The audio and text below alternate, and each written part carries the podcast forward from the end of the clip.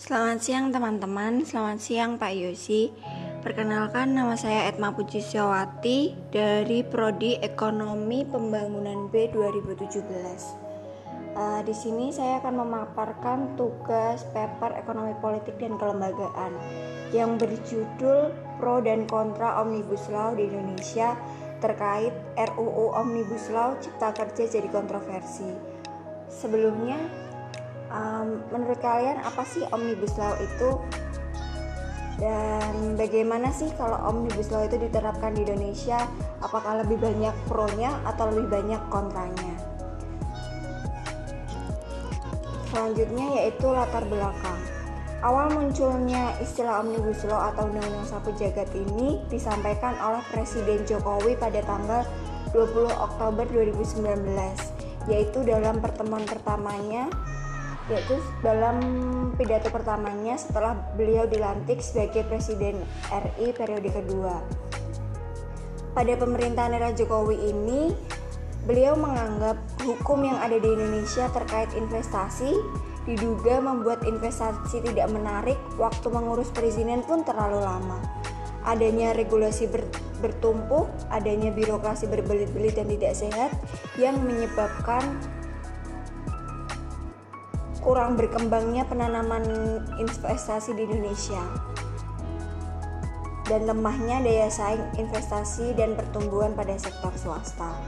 Padahal pada kenyataannya bukankah investasi itu sebagai pelumas perekonomian?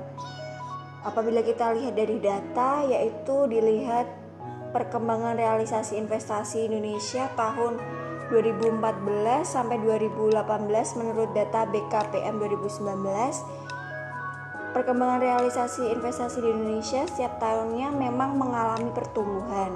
Tetapi dalam sisi penanaman modal asing itu uh, di setiap waktu kadang mengalami penurunan.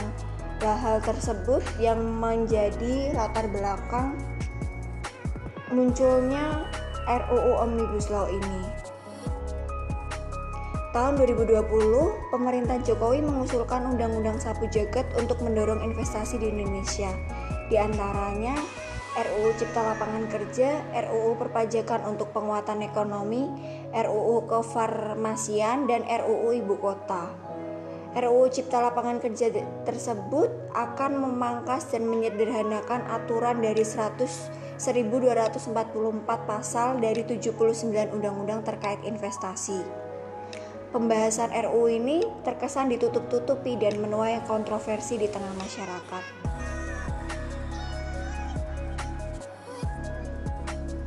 Selanjutnya yaitu pembahasan. Uh, menurut kalian apa sih Omnibus Law ini?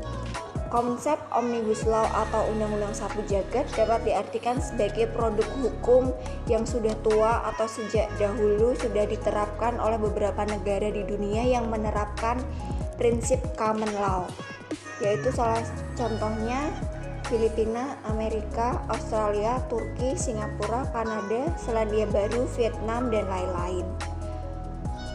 Akan tetapi Omnibus Law yang dimaksud Presiden Jokowi yang akan diterapkan di Indonesia sendiri yaitu merupakan produk hukum yang mempunyai tujuan untuk menerapkan harmonisasi hukum dengan harapan manfaatnya dapat dirasakan oleh masyarakat dalam jangkauan yang luas dan harus melewati proses trial terlebih dahulu. Sedangkan Omnibus Law menurut saya sendiri yaitu penyederhanaan beberapa undang-undang yang berkaitan dan tumpang tindih menjadi regulasi baru yang terintegrasi dan terpadu. Praktek Omnibus Law ini sebenarnya cocok diterapkan oleh negara-negara yang menganut sistem common law.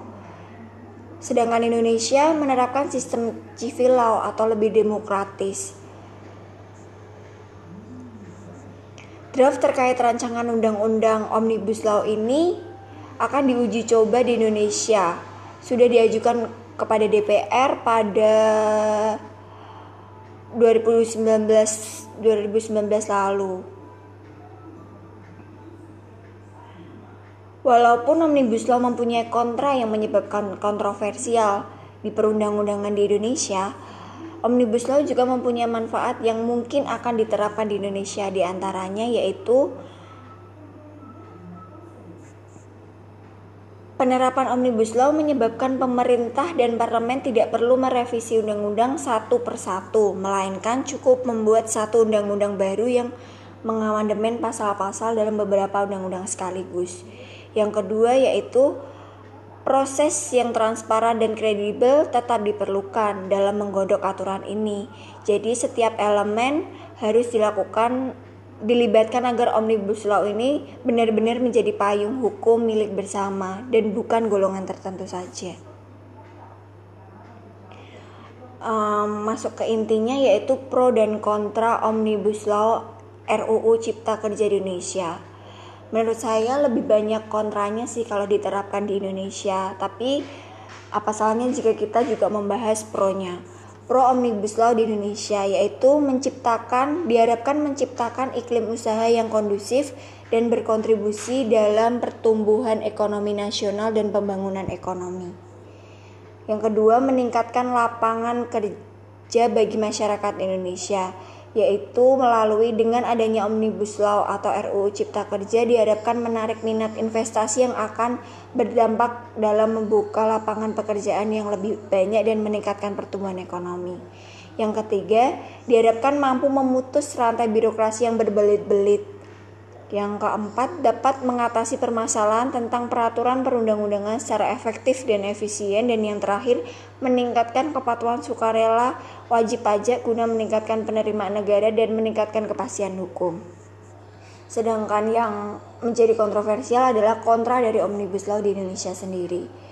Uh, banyak sih aktivis-aktivis mahasiswa atau golongan-golongan yang menolak, memang menolak Omnibus Law ini diterapkan di Indonesia. Karenanya, penyusunan rancangan undang-undang cipta kerja ini dianggap tidak partisipatif. Dibuktikan dengan pemerintah belum mengakomodasikan kelompok masyarakat yang terdampak dari RUU yang sekarang disebut sebagai RUU Cilaka.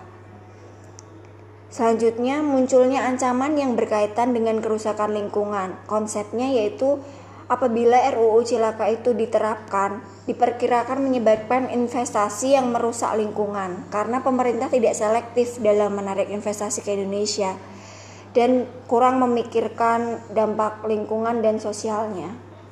Yang ketiga yaitu sentralisasi perizinan. Keempat, kesejahteraan buruh yang dianggap akan menurun. Penjelasannya, rancangan undang-undang Cilaka ini dianggap menyebabkan perluasan outsourcing yang mengizinkan merugikan karena membuka ruang perbudakan modern yang menyebabkan upah buruh atau jam akan sangat kecil. Kelompok buruh beranggapan bahwa apabila mereka tidak bekerja untuk beberapa jam karena beberapa urusan, maka upah yang akan diterima sangat kecil.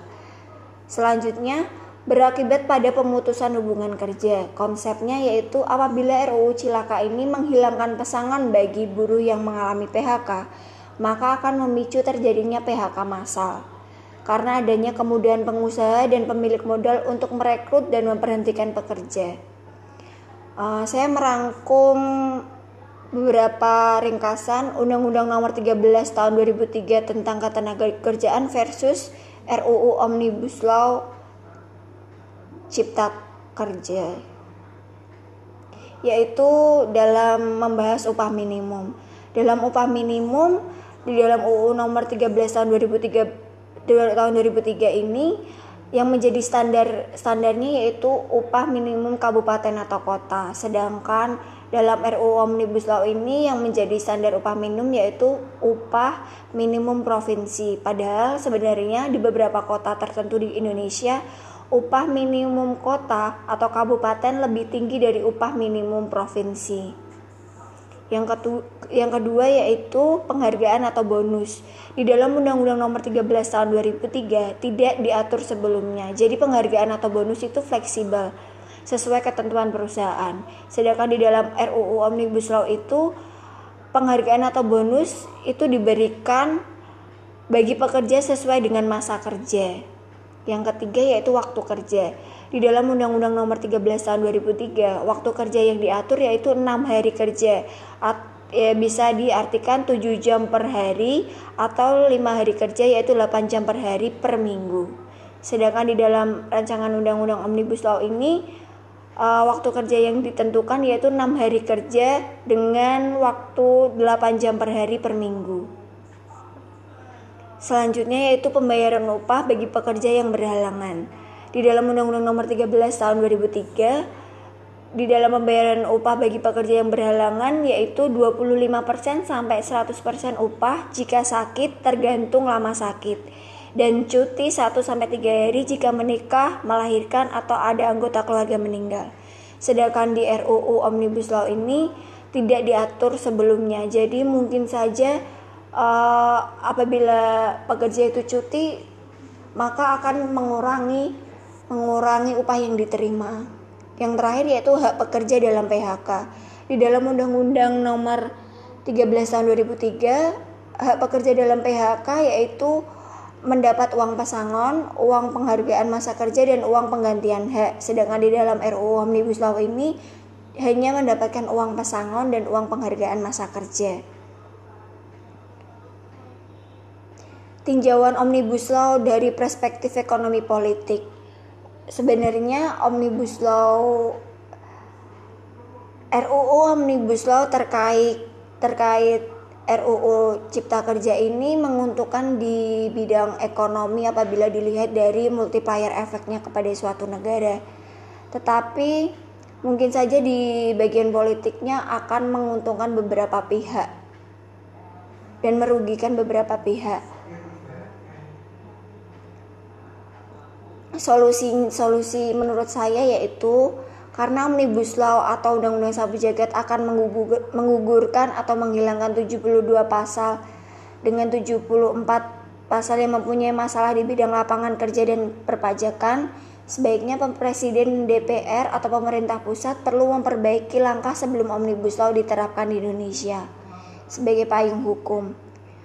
Yang kedua, pemerintah sebaiknya meyakinkan masyarakat atau publik terlebih dahulu apabila RUU ini dibentuk untuk menciptakan keselarasan, bukan untuk menciptakan kontroversi. Yang ketiga, Omnibus Law atau Undang-Undang Sabu Jagat sebaiknya memperjelas hak pekerja, buruh, melindungi hak kerja dan upah, dan men meningkatkan kesejahteraan buruh. Hmm, berdasarkan penjelasan yang saya saya uraikan tadi, dapat di, disimpulkan bahwa yang diharapkan dalam pembentukan RUU Omnibus Law Cipta Kerja ini sebenarnya meningkatkan produktivitas dan membuat investasi lebih berkualitas. Artinya peningkatan investasi diikuti dengan peningkatan lapangan kerja secara nasional di Indonesia.